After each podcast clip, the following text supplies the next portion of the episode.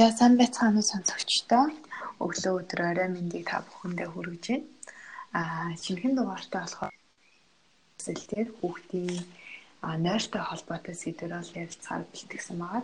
Ерөнхийдөө ээжүүдээс мань болохоор хүүхдээ яаж эрт унтуул сурах уу, яаж өөр өөр нь унтуул сурах уу, а мөн яаж шүн сэрэхгүй унтдаг болох вэ гэсэн асуултууд бол нэлээд ирж байгаа учраас энэ гурван асуултанд хариулах үүднээс энэ хүү одоо дугаараа бэлтгэж байна. Тэгээд зочноор маань болохоор Kinukas Mom page админ намаа маань бол оролцож байгаа. Тэгээд намаа болохоор яг өөрийнхөө пэйжээр бол энэ сэдвээр лайв болон постэр бол мэдээлэл хүргэдэг. А тийм учраас манай сонсогчдод бас мэдээлэл хүргээсэй гэсэн үгнээс бол намайг урьж оролцуулж байгаамаа. Тэгээд зочин маань өөрийгөө илүү дэлгэрэнгүй танилцуулах гэж найдаж байна. За, сайн байна уу намаа? Аа, энэ хөө подкастыг сонсож байгаа бүх ээжүүдтэй энэ өдрийн мэндийг хүргэе. Аа за намайг Номин гэдэг. Аа би Тинукас мам биж админ байна. Аа тэгээд нэг хөөрхөн хүүтэй. Аа хүү маань одоо ой 5 сартай. Тэгээд бусад ээжүүдийн ажил адилаар одоо хүүгээ те эрүүл саруул зөв хүмүүжлэлтэй ийм хүү хүүхэд болгож өсөхийн төлөө одоо хичээж судалж яваа юм залуу ээж байна. Аа. За тэгээд ерөнхийдөө нойрны талаар ярих гэсэн чинь танаа хүүгийн бас яг нойрны хэмнэл ямар вэ гэдгийг манай ээжүүд сонирхолтой гэж магадгүй. Тэгэхээр яг танаа хүү одоо яаж унтж чинь эрт хідэн цагаас унтж чинь шүн ерөн сэрж чинь үү? Ахаар ярьж хэлмээр байна. Аха. За манай хүү битэрийн хувьд гэхээр нөгөө байгаа газрынхаа бас орчингоос шалтгаалаад харьцангуй эрт одоо энэ нойрны дасгалуудыг хийж эхэлсэн. Тэгээд шүн одоо яг нөгөө бүтэн унтах сэрэлгүүгээр унтах нь бол нэг ой хүрээд бол бүр ерөнхийдөө тогтворцсон. Тэгээ тэрнээс өмнө нөгөө нэг хөгжлийн олон үе шатаасаа шалтгаалаад тэгээ бас нөгөө шүд ургалт нутраасаа шалтгаалаад а нэг л ерөөсө болж өгөхгүй яваад гэсэн. Тэгээд ой хүрээд бол ерөнхийдөө шүн бол маш сайн унтдаг болсон. Тэгээ тэрнээс өмнө бит хоёрын ганц баримталдаг байсан зүйл гэдэг юм бол ерөнхийдөө юм тогтмол хөвшмөл юм цагийн хуваартай болгоё гэд одоо өдөр унтдаг цаг болон орой унтдаг цаг өглөө сэрдэг цаг нь бол тогтмол болчихсон байсан 3 сартаагаас ахуулаад аа тэгээ одоо хүмүүс ерөнхийдөө орой нэг 7:30-аас 8-ийн хооронд унтдгийг. Тэгээд биеийн гайгүй ямар нэгэн байдлаар тавгууч биш байх юм бол шөнийн турш гайгүй унтчин. Тэгээ өглөө нэг 7-оос 8-ийн хооронд сэрдэг өдрийн ганц унталтгийг явж байгаа. Одоо нөгөө том болцсон болохоор Тэгээд 17 сартаагийн нэг синдром гэдэг нэг юм явагдаад сүүлийн бас нэг хэдэн хоног жоохон ааштай шунаас ингээд жоохон аашлаад байгаа. Тийм энэ синдромондос ч л эргээд бас хийвэндээ гайгүй орчих байх гэж бодож байна. Аа. За 3 сартаагаас нэхлээд ер нь бол нойрны дасгалуудаа хийгээ явсан гэж тэгж штэ.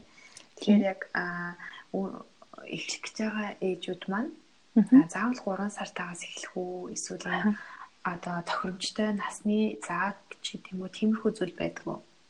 Аха ерөнхийдөө энэ одоо нойр судлаачид тэгээд энэ хүүхдийн эмч, сэтгэл зүйч, нойрны дасгалжуулагч гэдэг юм энэ гадаадад айгүй ийм том юм мэрэгжил байгаа байхгүй юу. Тэгээ энэ хүмүүсийн зөвлөгөө болон мэдээллүүдийг уншаад үзэхээр хүүхдийг ерөнхийдөө 4-өөс 6 сартай үед нь одоо энэ нойрны дасгалжуулалтыг хийгээд одоо нойрыг нь зохицуулж болно гэсэн одоо мэдээлэл өгдөг юм байлээ. Тэгээ яагаад тэрнээс өмнө эсвэл яагаад тэрнээс хойш байж болдгоо юм бэ гэхээр 4 сараас өмнө гэхээр нөгөө хүүхд чинь одоо толгоогоо бас сайн даад сураагүй байвал болохгүй тий. Хажуу тишээ нөгөө өөрөө эргээд хөрвөө чадахгүй ах юм бол бас болохгүй. Яа тэгвэл энэ дасгалууд маань ерөнхийдөө хүүхдийг өөрөөр нь унтуулж ганцаарнгийн орон дээр нь ингэж унтуулах дасгалууд байдаг болохоор хүүхд маань нөгөө эргэж чадахгүй юм уу? Аль эсвэл толгоогоо даахгүй ах юм бол нөгөө нүрээрээ ингээд одоо дараад ямар нэгэн аюул тий амьсгалын амьсгалж чадахгүйгаасаа болоод ямар нэгэн одоо аюул учрах магадaltaй байдаг учраас яг 4 сар хүрсэн үеэс нь эхлэхийг одоо ерөнхийдөө зөвлөдөг. Тэгээ 6 сараас хойш яага болдгүй юм гэхээр яг болно л тоо. Гэхдээ нөгөө 6 сар өнгөрөөд ирэхээр хүүхдийн нөгөө нэг арай нэг юмыг ойлгох чадвар эцэг ихээр нөгөө таних процесс энэ төр арай нэг хөгжчдөг. Тэгээд одоо юм сайн одоо мэддэг болчхороо бас яг нөгөө хийдэг байсан зуршлуудаараа унтах гад идэг болчдөг ч юм уу те. Тим юмнууд их ажиглагддаг учраас яг энэ 4-өөс 6 сарын хооронд хийвэл хамгийн тохиромжтой гэж зөвлөдөг юм байлаа. Одоо тэгэхээр бас яг э, найрны тасгалууд хий гэж бодож байгаа, хийхээр зэгч байгаа ээжүүд маань юунд бэлтгэлтэй байх хэрэгтэй тий. Аа бас юу бэлтэх ёстой гэдэг талаас бас зөвлөгөө өгч. Аа за энэ нойрны дасгал гэдэг ямиг одоо юу гэдгийг шууд өнөөдөр битэрийн подкастыг сонсоод шууд одоо сэтгэлийнхэн хөөрлөөр эхэлчих болохгүй. Ээжүүд маань тэгэж эхлэх юм бол нэгдүгээр цаг хугацааг зарцуулна хоёрдугаарт одоо одоо хүүхэд болон өөрт нь маш хүндрэлтэй асуудлууд ч юм уу гарч ирэх магадлалтай. Тэгэхээр хамгийн түрүүнд бэлдэх одоо юм дөрвөн ийм зүйлийг би бэлтгэсэн байгаа.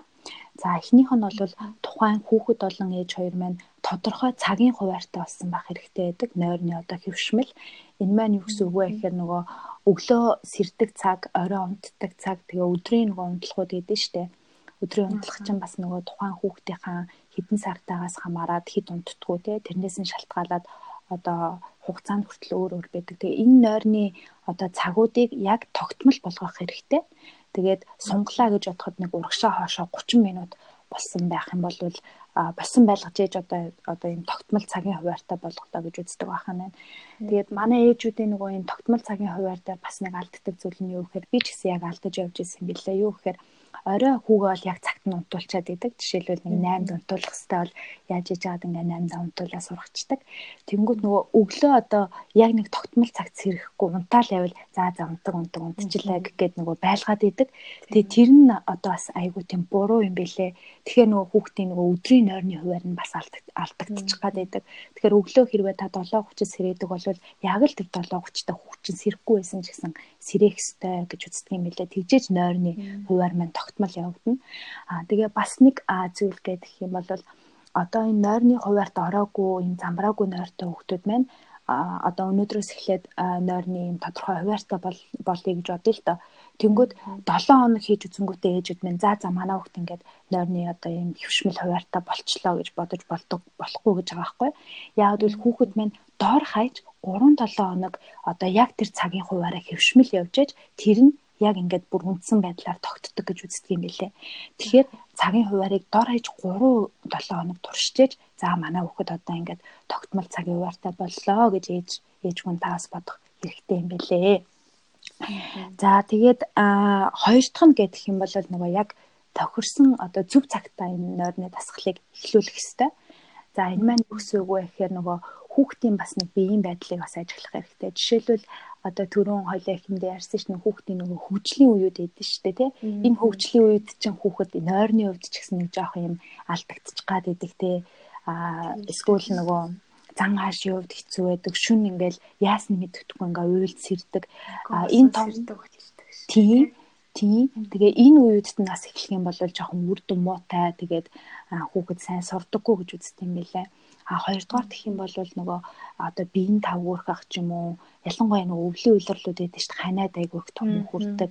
Энэ үед бас эхлэх нь жоохон а одоо тохиромжгүй гэж үздэг. Хүүхдийн би одоо бид нар нөгөө нэг ханиадны нэг нууц үед юм мэдхгүй үе бас байдаг тий Тэгэхээр нэг хүүхдийнхаа биеийг сайн ажиглаа. За одоо миний хүүхд ямар нэгэн өвчнгүй байна гэсэн үед нас эхлүүлэхийг зөвлөд юм байлаа. Тэгээ бас нөгөө шүд ургалтын үе гэж бас нэг амар үе шүү дээ тий ээжүүд алхам мэдж байгаа ах яа шүн ингээл амар их нөгөө шүдэндээ эмзэглээд сэрдэг хүүхдтэй. Энэ үед насын дасгалыг эхлүүлж болохгүй. За тэгээ бас нэг асуудал нөгөө баа саталттай хүүхдээ дээ өтгөн хатдаг. Тэгээ тэр хүүхдүүд маань ерөнхийдөө шүн айгүй их сэрээд идэм байл та нөгөө гидсэн өвдөөд өтгөнөө ингээ гаргаж чадахгүй болохоор ингээд нэг гидсний үйл ажиллагаанд нь өөрчлөлт орчдөг. Тэгээ тэрнээсээ олоо шүн их сэрээд идэг. Тэгэхээр энэ асуудлуудын хамгийн түрүүнд шийдчихэж тэгжээж нөгөө нойрны дасгалаа эхлэх юм бол илүү үр дүнтэй хүүхдэд нь амар сурна ээжд нь ч гэсэн айгүй амар байх юм билээ. За нөгөө талаараа ээж минь бас өөрөө цаг хугацаагаа маш сайн бэлтгэх хэрэгтэй. А яагаад гэвэл одоо эн чинь нөгөө дөнгөж өөрөөр нүнтэ сурах чагаа хүүхэд маань шүн их сэрүүлзэнтэй уйлна. Ингэхээр нөгөө ээж минь дагаад нөгөө бас айгүйх ядардаг. Тэгэхээр хэрвээ одоо энэ дасгалыг эхлүүлэх гэж байгаа ээж минь та хэрвээ ажилдаг байх юм бол одоо бас нөгөө 5 өдрөөс эхэлдэг ч юм уу тий нэг хагас насны амраад нэг эхний нэг 3 хоног хамгийн хэцүү байдаг гэж байгаа байхгүй. Тэгэхээр нэг эхний нэг 3 хоног одоо нэг эхний 3 хоногт нэг гайгүй амарчиж чадхаар хэрвээ та ажилдаггүй байсан ч гэсэн таны нөхөр юм уу эсвэл аав ээж чинь хагас наснд ирээд нөгөө тусалж туслаад таныг нэг өдөр нь жоохон амраагаад авах боломжтой. Тэр үедээ эхлэх юм бол арай нэг ядралт багтай э, арай нэг жоохон хөнгөн байдлаар давж чадна гэж үздэг юм байлээ. За ингээд яг төгсөн цагаа сонгосныхаа дараа та нөгөө сэтгэл зүйгээ бас амар сайн бэлтгэх хэрэгтэй гурав дахь одоо том зүйл нь а за энэ маань юу гэсэн үг вэ гэхээр хүүхдийг нөгөө өөрөөр нь унтуул сурахаар их зарим тохиолдолд одоо уйлуулж орхиод ингээд нэг жоохон удаан хүлээх юм уу те ийм байдлууд ажиглагдана. Тэгээ нөгөө ээжүүд маань бас айгүй зөөлнө штэ. Ямар л ээж нөгөө хүүхдээ ингээл уйлуулаад байгаад ахыг хүсгүүдээ тий Тэгэхээр нөгөө ээжүүд маань эхний нэг хоног нь яваад төвччихэл тэгэл хоёр дахь хоногт нь уйлахаар за за одоо ингэж уйлуулаа яах вэ хүүгээ огноо авчий гэл ингээл дундаас нь ингээл шууд бууж өгөө болчдөг тий Тэнгүүд нөгөө дараа нь тэгэл дахиад шийдэл за за одоо энэ удаастай яг тэхгүй. Одоо дахиад эхлэе гэл ингээд ахаар нөгөө хүүхэд маань улам нөгөө мэдчихдэг за би ингээ уйлаад тахаар ээж намайг авчтیں۔ ингээд нөгөө юмаа сурахгүй ингээд улам ингээд лавшраад идэг байна шүү дээ тий. Тэгэхээр ээж минь одоо би хүүгээ уйлсан ч гэсэн охиноо уйлсан ч гэсэн авахгүй гэсэн тэр сэтгэл зүгээ бэлдснийхаа дараа эхлэх нь бүр хамгийн чухал юм билээ. Би ч гэсэн надад ч гэсэн тийм алдаа байсан. Би одоо өмнө нь ингээл хүүгээ эхний нэг хоног нь уйлуулаад за за өнөдөр төвччихье гээл тэгдэг. Хоёр дахь дээр нь төвччихдэг. Гурав дахь дээр нь бүр ингээл яа харахгүй очоод за за одоо тэгэл 2 жил хүмүүн нойргүй байлгаа штэ гингүүт очиж авчдаг. Тэгээ тэр маань эргээд айгүй тийм хүнд байдал үүсгдэг байсныг нь юусоо мэддэггүй байсан юм лээ. Тэгэхээр ээжүүд нь сэтгэл зүгээ бэлдэх хэрэгтэй. За хоёрдугаарт бас нэг том шалтгаан нөхрүүд байна. Нөхрүүдийн сэтгэл зүг бол маш сайн бэлдэх хэрэгтэй.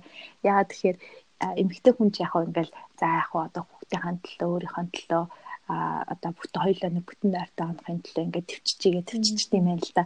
Тэнгүүт нөгөө нөхрүүд маань бас нөгөө хүүхдийн ингээ уйлуулад орхихоор нөгөө сайн ингээд зөвшөөрдөггүй Тэгээд бид нар чинь нөгөө нөхрөө чинь бас сайн мэдэхгүй шүү дээ. Өдөржин өглөө гараад ажилдаа явбал орой ирдэг те. Тэгэл орой ирэхээр ээжүүд маань за манай нөхөр ажилдаа хичээлдээ яваад ирсэн юм чам шүн унтаг гэл нөгөө өөрийнхөө олон сэрж байгаа ч юм уу те. Хүүхдээ ингээд олон сэрвэлзээд байгаагаа нэг мэдэгдүүлдэггүй. Тэгэхээр нөгөө аауд чинь мэдэхгүй шүү дээ. Өөрсдөө биеэрээ мэдэрч үзээгүй юм чинь. Тэгэхээр нөхрөөдөө одоо одоо тэр нөхцөл байдлаа айгуугаа тийм зөвөр тайлбарлаж өгөөд те би ингээ хүүг дээр олон сэрэд ч юм охин битээр олон сэрээ ядраад байна. Тэгээ ингэж их олон сэрх нь одоо манай хүүхдэд бас юм муу юм сөрөг дагавартай байна. Тэгээд надад ч гэсэн одоо миний бие организм одоо айгүй их ядарч байна гэдгийг зөв талаас нь ойлгуулад тэгээд нөгөө хамтдаа одоо мэдээллүүдийг уншаад шинжлэх ухаанч мэдээллүүд зөндөө байгаа шүү дээ. Одоо интернет рүү орохоор Тэгэхээр тэднийг уншаад эерэг сүрэг талуудын сайхан тайлбарлаж өгөөд ингээд зөв ярилцаад нөхрийнхөө сэтгэл зүйг ч гэсэн хамгийн гол нь бас бэлтгэх хэрэгтэй юм лээ. Тэгээ ингээ хамтдаа ингээд зүтгээд хамтдаа энэ бүгдийг эхлүүлэх юм бол илүү хурдан амжилтанд хүрнэ. За тэгээ гурав дахь нэг том нөлөө нөгөө нэг одоо аав ээжтэй амьдэрдэг залуу ээж нар хийж болно шүү дээ. Аав ээжтэйгээ эсвэл нөхрийнхөө аав ээжтэй. Тэгэнгүүт манай нөгөө өвөө эмээнэр чинь бас яг хаа а нөгөө манай Монголд чи яг энэ хүүхдийг уйлуулж орхих ч юм уу эсвэл юм унтлахын аргыг бол одооноос л ээжүүд хэрэгжүүлж эхэлж байгаа болохоос дээр үед бол ингээл хамтдаа л унтдаг тий уйлсан чи ингээл төвчээл ийм байдлаараа яваад ирсэн болохоор нөгөө өвөө эмээ нар манаас ойлгохгүй байгаа тал байдаг. Тэгэхээр бас өвөө эмээ нарт нь өөрийнхөө аав ээжийг маш сайн тайлбарлаад хэлээд урдчлаад ингээ ойлгуулчих юм бол бас зүгээр байх бах гэж бодож байна. За тэгээ дөрөвт хамгийн сүүлийн одоо чухал нэг зүйл нь гэх юм бол орчин орчингийн сайн бүрдүүлэх хэрэгтэй. За энэ аргууд маань ерөнхийдөө нөгөө хүүхдийн ортой одоо хийгдэх юм аргууд байгаа байхгүй. Аа. Тэгэхээр хүүхдийнхээ орыг сайхан нөгөө модон юу аах юм бол хажуу тишээ унаад нөгөө толгой энтрэ зохио гэмтэхгүйгээр юм зөөлөвчүүд хажуу талаар нь бэлтгэх ч юм уу тий. Аль эсвэл оргуу ээжүүд бас яж болно шүү дээ. Тэгэнгүүт унтдаг орных нь урдуур унсан ч гэсэн одоо гэмтгээргүй хаалт хийх ч юм уу аль эсвэл урдан зөөлөн хүнжил энтер тавих ч юм уу тий. Тэгээд эсвэл нөгөө бүр газар тантуулж болно шүү дээ. Заавал орохгүй тий Тэгээ газарт байлаа гэхэд хажууд нь одоо нөгөө ширээн мөрөө мөрөгчгооргүй мэрмэгтэй юм байх юм бол тэднийг ин одоо холдуулаад залгуур энэ төр гэх мэт зүйлүүд байх юм бол бас холдуулаад юм аюулгүй байдлыг нь маш сайн бэлдэж өгөх хэрэгтэй. За тэгээд дараагийн бас нэг зүйл гэх юм бол нөгөө өрөөний температурыг бас маш сайн тааруулж өгөхийг зөвлөдөг юм лээ. Хитрхийг халуун байвал нөгөө хүүхд чинь уйлаад жоох ингээл халууцсан штэ тий. Тэнгүүт өрөө хитрхи халуун байвал нөгөө агааргүйтэй л ингээл бас сайн унтж чадахгүй. Бас хитрхи хүүтэн байх юм бол хүүхд чинь ингээл даарад тий. Сайн унтж чадахгүй болохоор агаарынхаа температурыг маш сайн тааруулах хэрэгтэй.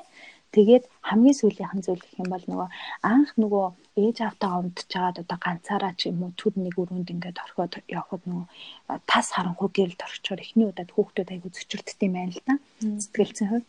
Тэгэхээр нөгөө юм баг зэргийн бүдэг гэрэлтэй орхиул зүгээр гэдэг юм байлаа.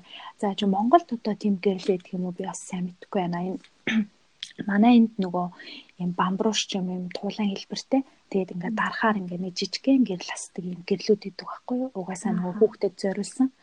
Тэгээд тэр гэрэл нь болохоор хитрхи тийм амар тод гэрэл бол өгөхгүй. Гэхдээ нэг хүүхдийн нэг үзэгдэх орчин нэг жохон тодруулаад өгчдөг. Гэхдээ нөгөө унтахт нь ямар нэгэн саад болохгүй юм гэрэлнүүд эдээ тэгээд тийм гэрэл одоо бас байвал ингээд бэлдээд өгчвөл нэг хэдэн өдөртөө айгуу тийм хүүхдэд нь ч гэсэн айхгүй тийм амар байх болов гэж бодож байна. Тэгээ ер нь эдгээр бэлтгэл зүйлүүдийг маш сайн бэлтгэснийхаа дараа та дасгалууд руугаа орох юм бол маш амжилттай явнаа. Тийм. Эдгээр зүйлүүдийг бэлтгэх хэрэгтэй гэж бодож байна. Аха. За тэгэхээр яг дасгалууд руугаа оръё те ямар за юунаас эхэлэх үү яг ямар дараалал яаж хийх үү гэд. Аха дэлгэрэнгүй нэлийн сайн тайлбарлаж өгөөрэй гэж хүсье.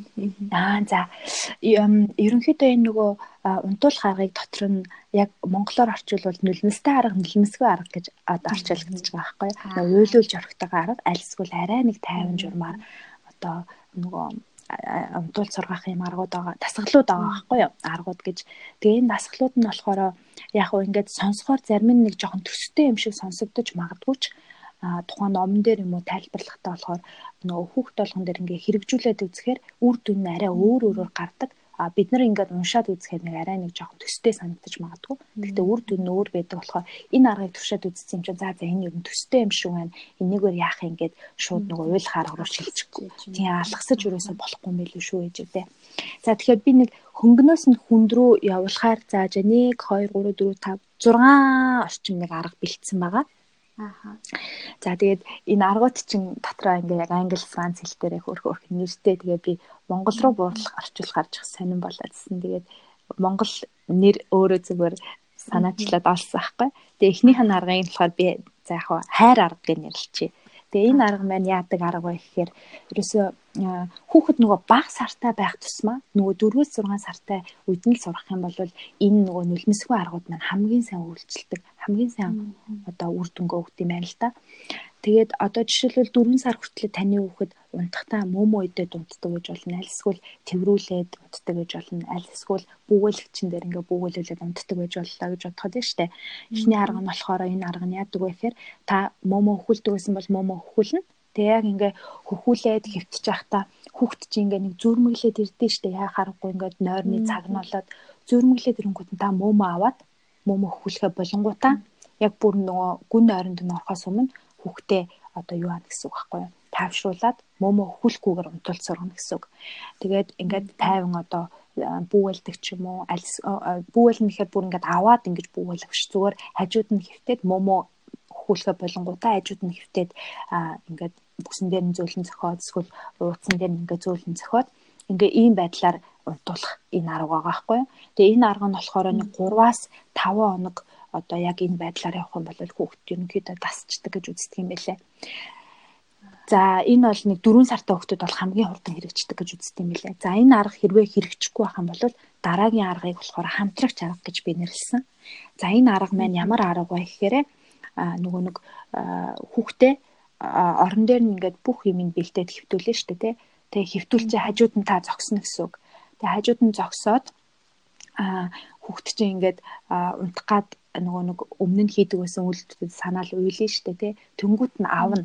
Хүүхдээ уйлангууд нь аваад 30 секунд уйлуулчаад аваад тэгээд тайвшруулад моментро өгөхгүй зүгээр ингээд гар дээр аваад тайвшруулад жоохон тайвшраад ирэнгүүт нь буцаад орон дээр нь тавина. Тэгээд хажууд нь ингээд зогсонгууд хүүхд чинь дахиад 1 1 минут болж байгаа л уйлна угаасаа. Тэнгүүт нь дахиад аваад дахиад аваад ингээд жоохон тайвширхаар нь буцаж тавиад ингээ энэ үйлдэлийг нэг 10-аас 15 минут хийхэд тухайн хүүхд маань тайвшраад унтдаг гэж байгаа байхгүй юу? Ерөөсөө 10-аас 15 минут хийхэд тайвшраад унтдаг. Энэ бол бүр 100% хэрэгждэг юм байлээ. Эхний нэг 10 минут ингээл аваад болоод буцааж тавиал, уйлангууд нь аваад буцааж тайвшруулаад тавиал ингээд энэ аргыг бас нэг 5-аас 7 хоног явахад хүүхд маань явандаа сурдаг Энэ бол хоёр дахь ер нь байхгүй юм. Тийм унтахгүй байна гэж байхгүй. Ялангуяа нөгөө баг сартай байхдаа хүүхэд чинь нөгөө аливаа юм сатаархтаа айгу хурдан Тэгээд нөгөө олон юм руу ингээс сортолцдоггүй болохоор энэ аргууд маш сайн үйлчилдэг гэдгийг нөгөө зөндөө олон ээжүүд комментээр бичсэн байт юм лээ. Тэгэхээр энэ аргыг 10-аас 15 минут туршиж үзээд тэгээ хүүхэд ч угаасаа унтна.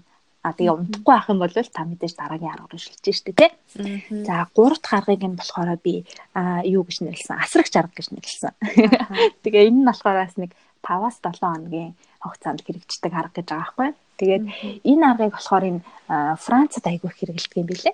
Тэгээд энэ арга нь яадаг вэ гэхээр за та хүүхдээ бас ингээд унтуулгын өмнө те сайхан хоололцсон тэгээ нэг унтахаас нь яг өмнө хоолж болохгүй шүү дээ. Тэрийг ээжүүд минь бас сайн мэдж байгаа бах те. Унтахаас дор хаяж нэг цагаас цаг 30 минутын өмнө хооллох хэрэгтэй. Жишээлбэл нэмэлт суй юм чинь ингээл яг унтахын өмнө өгч болдгоо юм байлээ. Би бас тэрэн дээр нэрээ алдаадсэн байсан. Тэгэхээр яг унтахаас нэг цагийн өмнө нэмэлт сүүг нөгөөд тэгээ нэг сүү нэг жоохон шингээд ирснийхэн дараа унтуулах хэрэгтэй мэлээ шүү. Тэнгүүд сүг нөгөнгөтэй шууд бүүлээд унтуулчих болохгүй. Тэгэх юм бол хүүхд чинь айгүй их сэрнсэн шүн. Хүмүүс чинь нөгөө нэг шүн өсөөд бас ойрхон сэрээд байна гэж ойлгоод идэг шүү дээ. Үгүй. Тэгэхээр нөгөө 9 сар хүрэхээ агүй 11 сартаагаас юу хүүхэд шүн нөгөө нэг хооллох шаардлагагүй байдаг гэдгийг бүр шинжлэх ухаан тогтоосон юм л яг. Тэрнээс өмнө бол сэрэн тэгтээ нөгөө 6-аас 11 сарын хооронд хүүхэд нэг 4-өөс 5 цагийн зайтай шүн хооллох хэрэгтэй юм билэ. Тэгэхээр нөгөө манай ээжүүд манаас замбраагүй дөнгөж сэрэнгүүт нь өөр шалтгаанаар сэрэнгүүт нь за за өлсөө сэрж байгаа юм байна гэж шууд мөмө өхүүлээд ижлэхгүй наа шүү дээ тий. За тэгээд энэ хамтрагч арга нь болохоор 5-7 хоногт хэрэгждэг. Тэгээд хүүхдээ ингээд сайхан хооллоод унтлахны хувцсыг өмсгөөд ингээд орон дээр нь хэвтүүлээд та санд л аваад хажууд нь сууна. За эхний өдөр яг хажууд нь суугаад тэгээ хүүхдээ бас унттал нь хүлээнэ гэсэн үг байхгүй юу? Тэгээ эн чинь нөгөө хүүхдийнхаа насны онцлогоос шалтгаалаад хэр удаан үгүй юу гэдэг нь бас өөр өөр байдаг. Тэгээ энэ арга нь болохоор бас л нөгөө 6 хүртэлх сартай хүүхдүүд бол нэг 10-аас 15 минут л үргэлжилдэг. А тэрнээс дээш болоод ирэхээр жоохон 30-аас 45 минут гэдэг ингээд нөгөө хүүхд маань томрох тусам нөгөө энэ унтах зай маань жоохон юу байгаа явчихдаг юм лээ. Үргэлжлэх хугацаа нь жоохон хурцсаад явчихдаг. Тэгэхээр эхний өдөр та сандлаа авах хажууд нь суугаад тэгээ хүүхд хүүгээ за миний охин сайхан амраарай, миний хүү сайхан амраарай, шүн болсон байна. Ээж нь чамд хайртай. Тэгээд ээж нь энд суужээ, миний хүү одоо ингээ унтаарай гэд ингэж хэлээд тэг хажууд нь суун тэнгууд хүүхч уйлна штэ мэдээж одоо хөхүүлэх гэж ч юм уу альсгүүл нөгөө тэрүүлэх гэл тэр үед нэрээс авч болохгүй яг хажууд нь суугаад дуу хоолоогоороо та хүүхдэд тайвшруулна гэсэн үг байхгүй юу миний хүү 50 унтаарай эсвэл бүүвэн дуудулж өгч болно шүү дээ намуухан гоё бүүвэн дуул дуулж өгөөд ингээд тайвшруулад унттал нь авахгүй хүлээх арга. Тэгээд хоёр өдөр нь та сандлаа орноос нь дахиад нэг жоохон хол зайтай тавина. Өмнө нь эхний өдөр нь яг хажууд нь суусан бол дараагийн өдөр нь сандлаа жоохон холдуулаад суух нь шүү дээ. Тэгээд дахиад нөгөө аргаа тавтаад ерөөсөө уйлсан ч авахгүй хэдэн минут уйлсан ч хамаагүй авахгүй уйлангууд нь бас дуу хоолоогоороо тайвшруулад ингээд явна.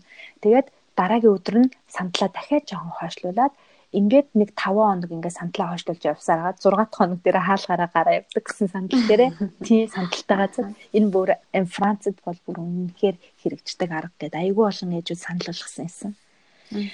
За дараагийн аргыг би би тагнуул арга гэж нэрлэж байна. Энэ болохоор ерөнхийдөө жоохон ингээд юу байгаа явчихж байгаа. Хүндрээд уйлуулах одоо хугацаа нь жоох их болно гэсэн үг байхгүй юу?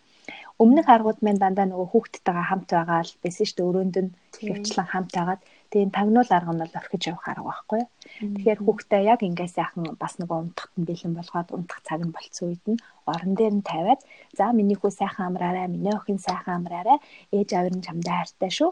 Бит хоёр одоо тэр өрөөнд хүүгээ хүлээж ин а ямар нэгэн одоо айх юм байхгүй шүү гэдгийг сайн ойлгуулж хэлээд хүүхд ойлгохгүй байна гэж байдаггүй гэж байгаа байхгүй. Тэгэхээр ерөнхийдөө сайхан тайлбарлаж хэлж өгчөөд тэгээ гараа явна. Эхний удаа гадаа одоо тухайн хүүхдийн өрөөнд 1 минут байлгана. Тэгээ зарим хүүхдүүд уйлдаг гэж байгаа юм. Зарим нь болохоор ингээд нөгөө анхны удаа болохоор мэдхгүй те ингээд дэше хараад хөвчээдэг ч юм уу. Тийм байдалтай байна. Тэгээ орж ирэнгүүтээ дахиад шалгаад тэгээ дахиад миний хүү одоо унтаарай а одоо миний хүүгээ унтах цаг нь олцсон шүү гэж хэлчихэд дахиад та хаалганы гадаа гараад 2-3 минут хүлээнэ. За тэгээд дахиад 3 минутын дараа орж ир шалгана. Тэнгүүд хүүхч мэдээж уйлн 3 минут орхисон юм чинь. Тэгээ уйлангууд нь нэг жоохон тайвшруулад ерөөсөө авч болохгүй штэ. тайвшруулад бас л дуу хоолоогоороо тайвшруулад одоо унтах цаг нь боллоо таарай гэж хэлээ гарч яваад энэ удаа 5 минут болно. Тэгээ буцаж дахиж орж ирээд тэгээ ингэж явсараа бас нэг 10-аас 15 минут болно гэсэн үг. Тэгээ бүр 15 минут болоод ерөнхийдөө энэ 7-оос дээд сартай хүүхдүүд минь 15 минут болсон ч гэсэн бүр уйлаад салтгүй гэж байгаа байхгүй юу. Тий. Тэгээд нөгөө хамгийн дээдлийн одоо энэ нөгөө судалгаа үзчихсэн чинь хамгийн удаан уйлсан хүүхд 35 минут уйлсан байт юм байна. Бүр ингээд дахиад сүлдээ ингээд хоолоо сөөгөө зарим нь нөгөө хоолоо нь ингээд чарлаад хаар бөөлжөөд тэрэндээ бүр тийм үйлчлэж гисэн бэ тийм. Тэгээд нь ч бас авахгүй. Тэгээд байсан ч авахгүй. Тэгтээ хамгийн энэ жоохон харгас аргуудaltaа тэгтээ энэ нөгөө уйлуулж ингэж орхих нь хамгийн хурдан үйлчлдэг арга гэж байгаа байхгүй. Тэгээ энэ тагнуул аргыг нь штэ 10-аас 15 минутын хамгийн одоо нөгөө хол хугацаанд болохоор 15 минутын дараа орж иж ингээд шалахад хүүхд унтцсан байдаг гэж байгаа байхгүй юу. Тийм тэгээ энэ арга нас нэг 5-аас 7 хоногт хэрэгжин. Тэгээ нөгөө таны хүүхдийн нөгөө хідэн сартай одоо хэр зэрэг бага сартаагаас нас шалтгаалаад тухайн аргын үр дүнгууд маань их өөрчлөгдөх нь шүү дээ тий. За дараагийн арга нь болохоор би За одоо энийг юу гэж нэрлэдэг юм бэ? Ийм хаалганы цаадах арга гэж би зүгээр нэрлэлсэн. Энэ яадаг арга вэ гэхээр хүүхдээ орон дээр нь хөвтүүлээд тэгээд одоо өөрөө нэг өрөөнөөсөө гарахтаа хаалгаа нээгээд онгорхоо орхино гэсэн үг байхгүй юу? Тэгээ онгорхоо орхиод хүүхдтэй харагдах байдалтай байна. Жишээлбэл манай гэр бүл гэрийн одоо байрлал гэх юм бол өрөөнийхөө хаалгыг онгор онгорхоо орхингууд манай галтгоо шууд харагддаг байхгүй юу? Тэгээ би нөгөө аяг угааж байгаа маань ингээ харагддаг. Тэгээд тэр арга манад айгүй тийм сайн хэрэгцсэн гэж би боддоо. Ингээ хаалган онгорхоо орхиод орон дээр нь хөвтүүлчихэд за миний хүү сайхан амраараа те ээж нь энд байж байгаа шүү. Одоо миний хүү унтах цаг нь болсон байна гэд. Тэгээ хүүтэй ингээд хүүхдтэй ингээ харагдаад тэгээд уйлсан ч гэсэн орж ирж авахгүй тэгээд бас л нөгөө хаалганыхаа цаанаас энэхүү тайван байгаар ээж нь энэ тээ гэл ингээл гараараа далдаг ч юм уу тий. Тэгээ бүр өрөө рүүгээ орж ирэхгүй гэсэн үг байхгүй юу. Тэг ингээ гараараа далдаг ч юм уу. А эсвэл бүр ингээд бүр уйлаад бүр 10-аас дээш минут ингээ уйлаад ах юм бол орж ирээд миний хүү ягаа уйлаад байгаа юм бэ? Одоо умдах цаг нь болсон байна тий миний хүү одоо сайхан амраарай. За ээж нь тэгвэл одоо аяга угаачаад буцаад ирээ миний хүү тэр болтол ингээд өөрөө умдах гад ингээ хичээжээ гэд ингээ ярилцчаад гарч явчаад. Тэгээд заавал буцаж орж ирнэ. Яагаад гэвэл хүүхдтэй би аяга угаачаад ороод ирье гэж хэлсэн байгаа шүү дээ. Тэгэхээр хүүхд чинь ээж байгаа хүлээж байгаа гэж үзсэн юм байлээ. Тэнгүүд тэр үед нь орж ирээд за ээж нь аяга угаачаа ороод ирлээ миний хүн унтаагүй байна уу те одоо ээж нь тэгвэл газ яваад хоолоо идчихэд ирэж гэдэг юм уу те эсвэл ээж нь газ яваа нүр гараа угаачаад ирээ миний хөө унтчихээ заа юу гэж хэлчихэд тэгээ гарч яваад яхаар нөө хүүхд маань а манай ээж надтай хамт байгаа юм байна. Ирнэ гэсэн ирэх юм байна гэд ингээд найдвар төрөөд нөгөө уйлах нь арай тайвшрал нь арай өөр байдаг гэж байгаа байхгүй. Тэгээ ингэж тайвширж байгаа дунтаад өгдөг. Тэгээ энэ арга манай хүүхдийн хувьд нэг хамгийн дээдэлтэй нэг 20-с 25 минут болсон юм байна. Тэгээл унтцсан. Тийм тэгэхээр энэ бас айгүй тийм зөв арга юм шиг санагдсан. Бүр нэг амар уйлуулад байхгүй. За тэгээд дараагийн арга нь гэдэг юм бол энэ бол нөгөө нэг жинхэнэ нөгөө уйлуулах арга байхгүй юу? энэ арга бүр амар харгас арга заяа. Тэгтээ бусад аргуудаа одоо л хугацаанд маш хурдан үр дүнгээ өгдөг. 3 хоногт л үр дүнгээ өгдөг гэсэн. Тэгээ энэ арга нь болохоор нөгөө юу оройн номтолж өрөөнд ч юм уу оруулаад тэгэл хаалгыг хагаал тэр чигтээ маргааш өглөө нь орно гэсэн үг. Тэгээ шүн өгч уйлна. Ингэж аахгүй шүн хөөгт ч уйлна заяа. Тэгээ уйлсан ч гэсэн нөгөө юу аа одоо 3 удаа уйллагт нь нэг удаа нь орж тайвшруулад 2 удаа дээр нь орохгүй. Энд чинь гэхдээ бүр яг тусдаа өрөөтэй тал дээр тийм тусдаа өрөөтэй тал дээр. Тэгэхээр манай ээжүүд аль болох нөгөө энэ аргуудаа хэрэгжилж үзээд аль болох ингээд жоохон 7 хоногоос хэтэрсэн ч гэсэн манай хүүхдээ нэг 11 хоног болсон баха. Одоо тэр нөгөө хаалганы цаанаас би ярилцаад тий аль эсвэл нөгөө хажууд нь суугаад энэ аргууд нь штэ тий энэ аргууд маань манай хүүхдээ нэг 11 хоног болсон юм Тэгэхээр би нөгөө нэг манай нөхөртэй юм бас нэг баримтлагдаг зарчим хөр хүүхдээ нэг юм харанхуй өрөөнд ганцаарнгийн уйлуулж орхих айгүй дургу байхгүй юу. Тэрэн дээр юусаа нэг санал нийлдэг болохоор энэ арга руу ерөөсөө ороогүй. Тийм тэгээ энэ арга бол бүр ялангуяа нөгөө энэ нөгөө дасгал хийх энэ хугацаа нь өнгөрцөн бүр хагас мас хөрцөн хүүхдүүд эдэн шүү дээ. Энэ энэ хүүхдүүдэд бол яах аргагүй энэ уйлуулж орхих арга. Аас өөр арга байдгүй юм байлаа. Аль эсвэл нөгөө одоо тусдаа өрөөнд унтуулдаг ээжүүд ах юм бол хүүхдийн хажууд нь унтаад арай нэг жоохон 1.5 гэдэг чи ой хагастай хүүхдүүдийн хажууд нь унтаад тэгээд орныных нь яг хажууд нь гуц тавиад ч юм унтаад юм уу. Тэгээд ээж нь хажууд нь за миний хүн унтаарай гэд яг энэ бүр нэг уйлуулж эхлэхээс өмнө энэ энэ аргыг туршиж үзээрэй гэж байгаа байхгүй юу. Хажууд нь ингээд унтах. Тэгээд хажууд нь унтахдаа бас авч болохгүй. Тэгээд шүнс ирсэн ч гэсэн нөгөө ээж нь хажууд нь байгаа гэдэг нь харагддаг болохоор арай нэг уйлах нь бага байдаг. Тэгээ уйлсан ч гэсэн бас авахгүй бас л нөгөө дуу хоолоогоороо тайвшруулна гэсэн үг байхгүй юу. Тэгээ энэ 3-аас дээш настай хүүхдэд одоо үр дүнтэй арга гэдэг юм бол нөгөө урамшуулах арга гэдэг нэг юм арга байгаа юм. Тэгээ энэ арга нь яадаг вэ гэхээр одоо хүүхдтэйгээ бас орой унтахт нь ярилцсан шүү дээ тий. Минийхүү одоо ингээд ганцаараа өөрөө унтаж сурнаа. Минийхүү одоо том болсон, миний охин том болсон. Тэгээд одоо өөрөө ингээ сайхан унтаж сурах хэрэгтэй. Тэгжээж ээж нь маргааш ажилтаагаа ирч хүчтэй явна.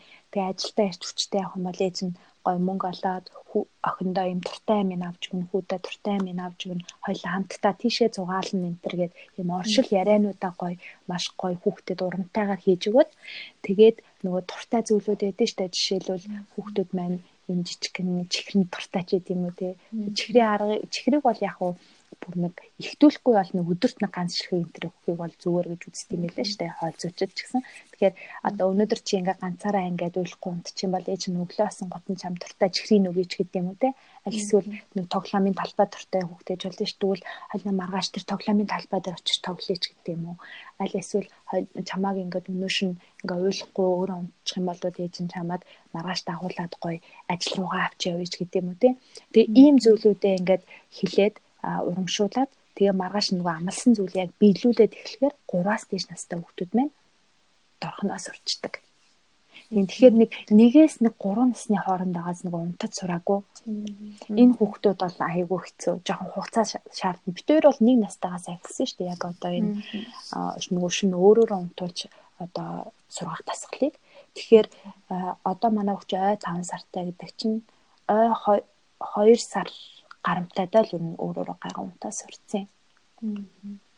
Тэгэхээр нэг ой хагасаас нэг 3 нас хүртэл нь бол тэгэл одоо энэ аргуудыг бүгдийг хэрэгжилж үзээ болохгүй байх юм бол тэгэл нөгөө уйлуулж орхихоос өөр арга байхгүй гэж нөр тасгалжуулагчид ер нь бүгд зөвлөсөн байт юм билэ. Аа. Аа. Настай хүүхдийн хувьд са 3-аас дээшлийн настай хүүхдийн хувьд ер нь үсэн ойлгодог болсон гэдэг чинь. Аа. Тийм. Ер нь бас нэг айгу зөрүүд зантай Тэгээд тэр үед те ээж аав нь ямар ч гоё юм ярьжсэн. Үгүй гэл уурлаад үлддэг. Яг тийм үед одоо тэр сайхан зүйлээ ярьсаар л те итгүүлгээ бүр хичээгээд авах уу эсвэл хүүхдийнхаа заа ааштай илрээд жоохон хойшлуулсан дээр үү энэ тал дээр юу гэж бодож байна аа миний хувьд бол ингэж бодож байна хүүхдээ энэ нөгөө нэг бас нөгөө тухайн хүүхдийн багаасаа нөгөө хүмүүжиж ирсэн те ээж аавынх нь харилцаагаас айгүй их нөлөөлнө л доо. Тэгээд одоо энэ манайхан нөгөө нэг хоёр насны синдром гурван насны синдром гэж яриад байдаг те. Энэ синдром нь хэр зэрэг одоо хүчтэй илэрх үү бага илэрх үү гэдгийг нь бас юм жоохон хянаж болд юм л да контрол хийж болдог. Тэгээд энийг нь яаж контрол хийж болдог вэ гэхээр аль болох багаас нь нөгөө сайн ярилцаад тэгээ айл болох нөгөө юм зөв аргаар одоо эргээр ингээд шийдэх юм хэдийд аргууд би одоо нэг тэрний тухай нэг ном уншиж байгаа. Тэгээд тэр номноос ингээ уншихаар айл болох бүх зүйлийг ингээ эргээр шийдээд ингээ яваад ах юм бол хоёр насны синдром, гурван насны синдром бол ерөөсөө ямар ч асуудалгүй давдаг гэж байгаа байхгүй. Тэгэхээр багаас нь одоо тэр нэг хідэн дасгалууд байгаа би арай уншиж дуусаагүй болохоор бас энд ярих нь жоохон тэмцэхгүй байна л да. Тэгэд тэр одоо дасгалуудыг хийж сургаагүй багаас нь ингээд сайн одоо харцаж чадаагүй байх юм бол одоо нөгөө амар зөрүү талцсан үед нь Тэгэл одоо бас л нөгөө уйлж орхих арга ч юм уу те нэг жоохон жоохон харгис аргуудыг ашиглахаас өөр арга байхгүй байхаа л гэж би бодож байна. Аха. Аха. Аа одоо за хүүхдийнхаа нас гэлгүүгээр энэ бараг 6 арга ирсэн сая тий. Тийм 6 аргуудыг яг бүр ингээд нэгээс нь ингээ 2 3 гээ хүндрүүлээд яваарай гэж зөвлөх үү? Эсвэл өөртөө арай зүгээр санагснаа сонгоод хэрэглэх нь зүгээр үү? Эсвэл хүүхдийнхаа насан тохируулаад хэрэглэх нь зүгээр үү? Өөрийн чинь хувьд ер нь бас олон судалгаа олон хүмүүсийн нийтлэл хариу үйлдэлийн бас уншсан байгаа шүү дээ. Тэгэхээр эцэг эхчүүд бас юу гэж ярьж байна Тийм. Тэгээд энэ нөгөө нойрны дасгалч гэдэг юм уу? Энэ хүүхдийг унтуулж одоо сургахын арга бол зүгээр л Америк, Европын арга шүү дээ тий. Тэгээ би нөгөө энэ солонгос хэл дээрх материал тэгээ бас энэ Япон хэлтэй найзуудын тараас асуугаад найзалдаг найзуудын тараас асуугаад тэдний хувьд бас нэг юм яг ийм нойрны дасгалжуулагч гэх юм уу тийм нойрны талаарх одоо юу гэдгийг эднийхэн шиг ингээл нэг амар тустай өрөө гаргаж өгвөл унтуулчдаг тэр соёл нь байхгүй болохоор тэр соёл нь нэг тийм байхгүй болохоор тэрэн дээр одоо нэг тийм асуудал үүдгүй юм байлээ. Тэгээ энэ Европууд маань юу гэдгийг гэх юм нөгөө багасаа эн чин 4 сартай эхлэнгүүт нь л угаасаа эмчнэр нь асууд юм байлээ. Одоо 3 сарын сүүлийн нөгөө нэг юун дээр очиход үзлэг дээр очиход бид тэрээс асуужсэн байхгүй юу? Та хоёр одоо ингээд унтлагын дасгалаа хийж эхлэх гэж байна уу? Тэгээд миний хувьд бол хийж эхлүүл зүгээр гэж бодож. Танай хүүхд одоо ямар нэгэн суур өвчин байхгүй, ямар нэгэн агаарын дутагдлагын өвчин байхгүй, а ямар нэгэн одоо нөгөө тархины даралт гэж яриад байдаг шүү дээ. Тийм зүйл байхгүй. Одоо хөгжлийн хувьд сайн явж байгаа, сайн хөрвж одоо ингээ хажууд жишээ эргэждэг, толгоогоо даачдаг болсон учраас одоо чи эхлүүлж болно гэж надад хэлж авт би бас айгүй гайхаж исэн байхгүй юу юу яриад байгаа юм болооч гэдэг юм уу? Те бас нэг сайн мэдэхгүй анхны хүүхд болохоор. Тэгээ би тэр өдрөө шууд гэртээ ирээд энэ sleeping training гэдэг юм нэг уншиж үзээд аа ийм байд юм байна гэд тэр өдрөөс эхэлчихсэн. Тэгэхээр эднийхний хувьд бол нөгөө багаас нь эхэлсэн байдаг болохоор ингээд нөгөө арай хөнгөн аргуудаасаа тийм соёлын суудсан. Тэгээ нөгөө хөнгөн аргуудаасаа эхлээд хүндрүүлэх арга руу явд юм бэлээ.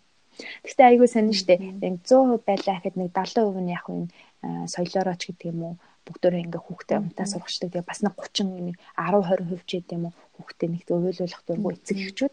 Тэгээд YouTube энтер дээр ч гэсэн чи бичлэг энтер хайж үзвэл хүүхдээ ой 8 сар хүрэгцэн мөртлөө унтуул сургаагүй одоо сурах гэж байна гээл шууд өрөөнд нь ороод хаалгыг хаачаад бичлэг хийгээл өмнө нь ингээл нөгөө reaction үзүүлэл яа манай хүүхд стард уйл чинь би амар хэцүү байна гэл ингээл тиймнүүд бас ажиглагддаг. Тэгэхээр ерөнхийдөө би ээжүүдтэй зөвлөхдөө аль болох хүүхдээ арай нэг тайван журмаар баг уйлуулахын аргуудаас нь эхлээд тэгээ бүр болохгүй ах юм бол тэр уйлуулдаг арга руу шилжээрэй гэж зөвлөмөр байна. Адаас соосог бас өвчнөөс хамааралтай хөлтөд байгаа шүү дээ. Тийм хүүхдүүдтэй одоо яавал зүгээр амнаас нь ингээд соосгон өвчтэй аваад өгч чадахгүй тий. Тэгээл тэрийг нэхэл уйлаад идэг шүү. Бас ингээд шүний өгчаараа ингээд идээс сурцсан шүний ядаж нэг хоолдог ч юм уу. Ким хүүхдүүдтэй яах вэ? За би энэний талаар нөгөө саяхан нэг юм уншсан байхгүй юу. Тэгээд одоо энэ өөрөө энэ sleeping training гэдэг одоо энэ унтах дасгалыг хийхээс өмнө сос хүүхдүүд байх хүүхд байх юм бол тэрийг нь болиулах хэрэгтэй. Уугч хүүхд унтаа сурцсан хүүхд байх юм бол тэрийг нь болиулах хэрэгтэй хөхөө эдэж унтдаг хүүхд байх юм бол тэрийг нь одоо болиулах хэрэгтэй. Хэрвээ таны хүүхэд хөхөж юм уу эсвэл уугж соско хөхөж унтдаг л бол хүүхэд 2 цагийн дараас ирээд эргээд нөгөө муу муу идэх гээд идэж л унтдаг болох гээд гэж байгаа байхгүй. Тэгэхээр энэ бүгдийг нь болиулах хэрэгтэй. Тэгээд энэ хэдийг юу нь яаж болиулах хэрэгтэй гэдэм болоо гэд би бас нэг хэд хэдэн одоо юм хайж үзсэн байхгүй. Тэгсэн чинь дандаа no studies гэж гарч ирж байгаа байхгүй юу нөгөө ямар нэгэн байдлаар судлагдаагүй. Тэгээд энэ нь зүгээр л нөгөө дасгаж одоо гаргах арга юм гэлээ л те. Одоо юу гэдгийг хүүхдээ багасгаад тийм багасгаад тийм гурав хөхүүлжсэн болвол хоёр хөхүүлээд ч юм уу те шөнийн турш. Айлсгүй яг унтахт нь тэр үйлдэлийг хийхгүй байх ч юм уу. Тийм байдлаар. Тэгээд бас нөгөө энэ нөгөө хүүхдтэй цуг унтдаг ээж аауд байдэн штэ ээжүүд. Тэр ээжүүд маань ихчлэн юу авах гэдэг юм бэлээ. Хүүхэд нь айгүйх ингээд нөгөө мөө мөхгöd байдаг. Би нөгөө энэ Монгол ээжүүд ээжүүд маань их тийм соос хөхүүлээд байдгүй шүү дээ. Ихэнх нь нөгөө хөхөөрөө л унтуулад байдаг шин. Тийм болохоор энэ энэ тал руугаа яриа явчлаа. Тэгээ нөгөө хүүхдтэйгээ цуг унтдаг э, одоо хүүхдүүд маань айгүйх нөгөө шүн сэрэ муу маягаад идэм юм. Хүүхдийн нөгөө нэг төрөлхийн одоо нэг үнэрлэх хийв гэж яддаг шүү дээ. Ээжийнхээ үнэрийг таньдаг гэд. Тэнгүүт нөгөө хажууд нь унтахаар яах аргагүй ингээд мөмн нэртэй гэдэг юм байна л да. Тэнгүүт нөгөө дахиад нөгөө мөм өхмөр санагдаал тий. Тэр рефлекс ингээ хөдлөөд идэг гэж бас нэг тийм сэтгэл зүйч бичсэн байсан. Тэгээд хэрвээ ингээ шүн сэрээд ингээ мөм өхгөөд ч юм уйлгнаад ах юм бол тэгтээ энэ юу штэ намана 11 сараас өмнөх сартаа хүүхдэд ярьж байгаа штэ. Үгүй хойш сартаа хүүхдэд ярьж байгаа штэ. Хойш энээс өмнө хүүхд бол нөгөө 6-аас 11 сарын хооронд бол нэг 3-аас 4-өөс 5 цаг ийм зайтай бол заавал хөхөх ёстой. Тийм тэгээ 11 сараас ахуулаад шүн нэрөөсөө идэх шаардлагагүй. Өдөр давах нөгөө хоолныхоо хоол тэжээлийнхаа хэмжээг өдрийнхөө хоолноос авчдаг гэж үздэг юм билээ. Тэгэхээр 11 сараас хойш одоо мөм шүн хөхөд байгаа бол болиулах юм бол эхлээд хамгийн түрүүнд тусдаа амтд сурах хэрэгтэй. Тусдаа амт нь ихээр заавал өрөөнд авчрахгүй ч гэсэн хажуу талдаа нэг жижигхэн ор тавиад ч юм уу те. Тэгээ тусдаа амтч болно. Аль эсвэл бас нэг сэтгэл зүйчийн зөвлөсөн нь болохоор нөгөө аавар нь шүн авахулах шин ингээ сэрээ уйлангууд нь аавар нь ахуулангууд нөгөө хүүхд маань тайвшраад унтдаг. Гэхдээ энэ манад юусоо хэрэгжээгүй. Яагаад тэгэхээр энэ нөгөө Европ одоо энэ Европт л би одоо байж байгаа болохоор энэний хаяунаас л хараад байгаа юм л та. Эдний нөгөө хүүхдээ өсгөхөд аавын оролцоо айгүй өндөр байдаг байхгүй юу? одоо битээр ингээ жоохон багт нь ингээл өглөө өдөрт хоёр удаа салхилуулаад гараа явж хахаар хүүхдэд түрээ явж байгаа хүмүүсийн баг ихэнх 60 70% нь аауд байдаг гэсэн аауд нь дандаа хүүхдээ сэлгэлүүлдэг. Тэгээ нөгөө хүүхдээ тоглоомын төлбөрөөр авч гардаг ч юм уу. Тэгэхээр нөгөө багаасаа хүүхд аавтайгаа ингээд ойр өсөд ирэхээр бас ингээд шүн авсан ч гэсэн уйлдгүй байна л да. Тэгсэн чинь манай хүүхд нөгөө эсрэгээрээ манай нөхөрч хөөрхөн амт өглөө хичээлтэй тэгэл өдөр нь ажилдаа ингээл явсаар байгаа л орой ирдэг. Тэгээ хүүхдтэйгээ цаг өнгөрөөж гэсэн нөгөө боломж нь авах болохоор хүүхд чинь багаасаа цуг байж тасаагүй болохоор шүн гинт нөгөө аав нь өдөржин байхгүй байж байгаа нь шүн ингээл аав нь тэрвэд ангууд хүүхд чинь цочин штэ юу вэ бараг л юу хүн агуулээд тийм бишүүрхэн тэгэхээр энэ бол манай гэр бүлд бол ажиллаагүй арга тэгээ яг нь европуудын тэр нэг сэтгэл зүйчин зөвлөсөн дээр аавд нь өгөх юм бол энэ бас өөмөх хөх юм рефлекс нь арилнаа гэж зөвлөсөн байсан. Тэгээд хүүхдээ ерөөсөө баг багаар нөгөө мөм өгөхийн ааж маажмаар болно гэсэн. Тэгээд энэ нөгөө мөмө нэгэн ч шүн хөхөөс урцсан хүүхдүүд маань энээсээ гарахад доор хаяж нэг сар зарцуулдаг гэсэн. Тэгэхээр маш их төвчээр байгааз. Тийм нэг сар бол найзвартай зарцуулдаг гэж тэр нэг миний уншсан тэр сэтгэл зүйчийн зөвлөгөөн дээр байсан. Манай хөлт одоо яг орой гарантай байхгүй юу? Аа за чүрээд удаагүй байгаа. Тэгээд аа ч бараг бас 10 байна уу 11 сараас нэглээд өөрөөр нь тулд сургаад хажууд нь зүгээр хөвтж жагаад тэгээд манай охин ингээл мөсгөө зөлхөж юм үзэж явж байгаа л нэр нүрхээр унтаад өгдөг байхгүй. Тэгээд яг унтуулчаад би болохоор манай охин нөгөө өөрийнхөө орон дээр хөрвөөгөөд багтахгүйсэн болохоор би тэр орныхаа хажууд нөгөө газраар орцсаад өгсөн. Аа та хөрвөөгөөд унтаг гэж бодод. Тэгэл шүн ингээ хамт хөвтөж онтолчоод би болохоор өөрийнхөө орлого тийшээ гараад унтчихтیں۔ Тэгэнгүүт ингээ шүн мөн босч ирээд намайг хайгаад орны хажууд ингээ босоо зогсчихдаг байхгүй. Одоо жишээлбэл ийм тохиолдолд би яах вэ? Одоо хүүхэд маань намайг ингээ яг хажуудаа байлгаж унтуулах байгаа байхгүй юу? Аа бүр яг хажууд нь Аа. Тэгээд намайг босоо явчихгоот ингээд жоохон унтчихсэн хажууд нь байхгүй болонгот ингээ босч ирээд орлого ингээ мацаад авираад идэг дайраад байгаа гэж юу. Тийм. Тэгэхээр одоо миний хувьд бол нөгөө би чамд хүүхдээ ор хэрэг боломжтой бол тэрийг авахыг л зөвлөж байна. Яагаад тэгэхээр хүүхд чинь нөгөө нэг босч ирээд чам руу ингээд хүрч чадж байгаа болохоор улам тэмүүлээд байна шүү дээ тий. Хэрвээ чи орон дээр ч юм хүүхдээ орон дээр тавьж хаад чи нөгөө доошоо ингээд гүн байдаг болохоор хүүхд чинь ингээд авирч гарч ирч чадахгүй тий ихэнх орнууд тийм байдаг шүү дээ хүүхдийн зориултын орнууд. Тэнгүү чамд нөгөө хүрч чадахгүй болохоор хүүхд чинь бас нэг өөр шүү дээ. Тэнгүү чи газар төвчүүлчихээр ингээ орон дээр ингээд мацаад чамаас ингээ зулгааж чадчихээн хүрч чадчихээн гэдэг маань за би ингээд уйлаад ч юм уу ингээд зулгаагаа татаад авах юм бол би ээж дээр очичих юм байна ээж маань намайг авчих юм байна гэсэн сэтгэл одоо одоо тийм ихтгэл найдар хүүхдээ чинь сэтгэл суучаад байгаа байхгүй. Тэгэхээр миний одоо зүгээр туршлагаас ч юм уу уншижсэн зүйлүүдээс үзэхэд арай нэг чамд хүрч чадхааргүй. Эсвэл чи нөхөртөө нөгөө байраа солиод тий нөгөө тий нөхөртөө эсвэл байраа сольж үзсэн үү жишээлбэл чамайг барьж чадахгүй. чамайг барьж чадахгүй. Нөхрөө чинь байруул бас нэг арай өөр байж магадгүй ш. Нөхөр чи өдөр болгон өдөр чи одоо ингээд хамт байдаг байл эсвэл бас л ингээд ажиллаа. хийгээл тэгэхээр арай гайгууж магадгүй. Өнөөдөр арай таяр байраа солиод унтаад үзэхгүй тий. Чамд арай хүрхээргүй танаа одоо хүүхд мөхт чинь орондоо багтж байна. Манай хүүхд чинь нөө амар хөрөөж унтдаг. Тэгэл оронд нь тавихаар очиж мөргөөл эсвэл ерөөс ингээд тав бүрхээ сэрчээд байдаг байхгүй. Тэгээд бид хоёр нөгөө орын хураагаад бүр ингээд талбаар том ор засч юм уу газар болно онтолцсон. Тэгсэн чинь харьцаа хэдийн ор юм бол ерөнхийдөө нөгөө 70 140-ийн харьцаатай ор байдаг баггүй тэр ор маань нэг 10 юу 2 нас бол болдог гэдэг юм болдог гэдэг. Тэг манай хүүхдээ бол гайгуул байдаг шүү дээ тий. Аа. Тэгээ миний хувьд ерөнхийдөө бараг асуух асуултууд маань ингээд дуусчихна. Тэгээд өөрөө чинь хувьд бас хэллэггүй мартаад өнгөрсөн ч юм уу эргээд бас яг эцэг эхчүүдтэй зөвлөөд сануулад хэлмээр зүйл байвал одоо хэлээж гэж хүсмээр байна. Аа за тэгээд хүүхдээ нөгөө унтуулахын өмнө би нэг л юм амар сайн ойлгосон нөгөө яг унтахаас нэг цагийн өмнө ядаж доор хаяж цагийн өмнө телевиз юм уу утас битгий оролдуулаарэ гэж хэлмээр байна. Энэ нь бас нөгөө нойронд аягүй их нөлөөлдөг. Тэгээд хүүхд маань ингээд ямарваа нэгэн гадны мэдээллийг хүлээж аваад тэгээд тэрийг нэг хүлээж авснаас хойш нэг цагаас 2 цагийн хооронд ингээ байнгын толгойдоо ингээл боловсруулаад бодчихэд юм байна л та. Тэнгүүд яг телевиз үзэж байгаад унтцсан хүүхэд маань айгүй их сэрүүлцдэг. Тэгээд их сэрдэг ийм одоо сөрөг нөлөөтэй болохыг нь бүр одоо энэ сэтгэл зүйчд бүр тогтоогоо гаргацсан. Тэгээ одоо энэ телевиз мэлвизээр аягүй их гарч илээ. Тэгэхээр энэ нөгөө Э, замбраагүй одоо энэ уцаа шууд өгчдөг. Тий төвлөн готон за замаа уц үзэж байгаа унтч гэдэг юм аа. Эсвэл телевизээ асааж орхичоол. Тэгэл за за унт холлоо ангуудаа шууд телевизээ унтраагаал орондоо унтуулах биш.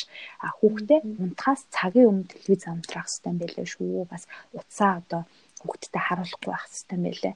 Тэгээ бас нэг зүйлийг хэлэхэд нөгөө хүүхэд 10-аас 3 цагийн хооронд яг нөгөө гүн ойронд авцсан байх хэрэгтэй байдаг Тэгээд энэ үедээ одоо сайн унтчихэж нөгөө хүүхдийн өсөлтөнд сайнаар нөлөөлдөг. Дээр нөгөө дархлааны тогтолцоонуудаа сайжирч яадаг гэж үздэг. Тэгээ манай ээжүүд би нөгөө хаяа нөгөө пэйж дээр бас ээжүүд маань айгүйх асуулт асуугаа зарим ээжүүдтэй би ярилцдаг байхгүй. Тэгээ ингээд ярилцаад ингээд уцаар ярьж яхад ойлгодог асуулт нь 10-аас унтуулна гэхээр За 10-аас эмчин гэл нэг 9-өөс унтуулах гэж бэлдээл нэг 9 30 гэл унтуулчаал. За за манай хүүхд 10-аас 3 хооронд унтчихлаа гэж тооцоод байдаг. Гэтэл тэр нь үгүй юм байлээ. Ягаад тэгэхээр хүүхэд маань 3 нас хүртлээ. Одоо унтахаас одоо орондоо ороод ингээд унтсан шүү дээ хүүхдний ойрондоо бэлдээд тэгээ унтснаас нэг цагаас цаг 30 минутын дараа яг нөгөө шөнийн гүн ойрондоо орж эхэлдэг үздэг юм байлээ. Тэгэхээр тэрийг нь одоо 10 цагт байлгахын тулд бид нэг 7:30-аас нэг 8:30 хооронд хүүхдэд унтуулж ээж хүүхд маань 10 цагаас нөгөө гүн ойрлогоо орох нь дээ тий. Тэгжээж хүүхдийн маань дархлааны систем сайн тогтно. Одоо өсөлт нь сайн нөлөөлнө гэж үздэг юм байлээ шүү. Тэгэхээр тэр цагаа маш сайн тодорхойлоод тэгээ ер нь ингээд ажиглаад хахад одоо энэ нойр нойр судлаачид тэгээ нойрны засгалжуулагчдын хэлдэг зүйл бол 7-оос 7:30 хооронд унтах нь бол хүүхдийн хамгийн одоо унтах тохиромжтой цагаа гэж үздэг юм билээ. Тийм. Тэгэхээр амьдралынхаа хэм маяг тийм. Аха ер нь 12-аас 13 цаг унтдаг. Тэгэхээр өглөө бас яг 7:30-аас 8:30-аас хэрэг нь шүү дээ. Тийм. Тэгээ бас нөгөө би нэг ээжтэй ярьжсэн чинь үгүй ингээ орой эрт унтуулчаар өглөө айгүй эрт сэрээ. Тэгээд би тэрэндээ ядраад ах юм аа гэд надад хэлчихсэн. Тэгээд бид нар ч бас ээж болоод үүрэг хариуцлага гэж байна те. А зөвхөн өөрийгөө бодвол би ядраад тэгээд хүүхдээ орой унтуулад байгаа юм гэхгүйгээр өөрөө хүүхдтэй ингээд иймэрхүү зүйл дээр нь цогцоод те орой хүүхдээ долоод унтуулсан бол нэг жоохон хоолундаа идээд одоо өөр хийх ажил хийж чад нэг 10 г унтахад өглөө 7 зэрэгэд угаасаа хүн чинь насанд хүрсэн хүн 8 цаг унтахад хангалттай байдаг шүү дээ тий. Тэгэхээр яг тэр цагаа өөрөө бас ингэ зохицуулаад унтах нь хамгийн чухал шүү гэж бас хэлмээр байна. За нэмэндээ маш их баярлалаа. Чамдаас маш их баярлалаа ийм гоё подкастт давж оролцуулсан. Яа тэгэхээр над руу нөгөө ээжүүд маань амар их энэ унтах дасгалынхаа талаар ярьж өгөөч яаж унтуул сурах уу гэд асуугаадсэн. Тэгээд би удахгүй энэ талаар мэдээлэл оруулнаа гэд хойшлуулаа яваас болохоор ээжүүд маань эндээс бас мэдээлэл авч чадах байхаа гэж бодож байна. Аха. За тэгээд биднэрт үнэтэй цагаасаа хуслаад маш өргөн дэлгэр мэдээлэл хуваалцсанд маш их баярлалаа. Тэгээд сонсогчд маань бас хүлээжсэн, хүсэж исэн мэдээлэл авч чадсан байна. Тэгээд дараагийн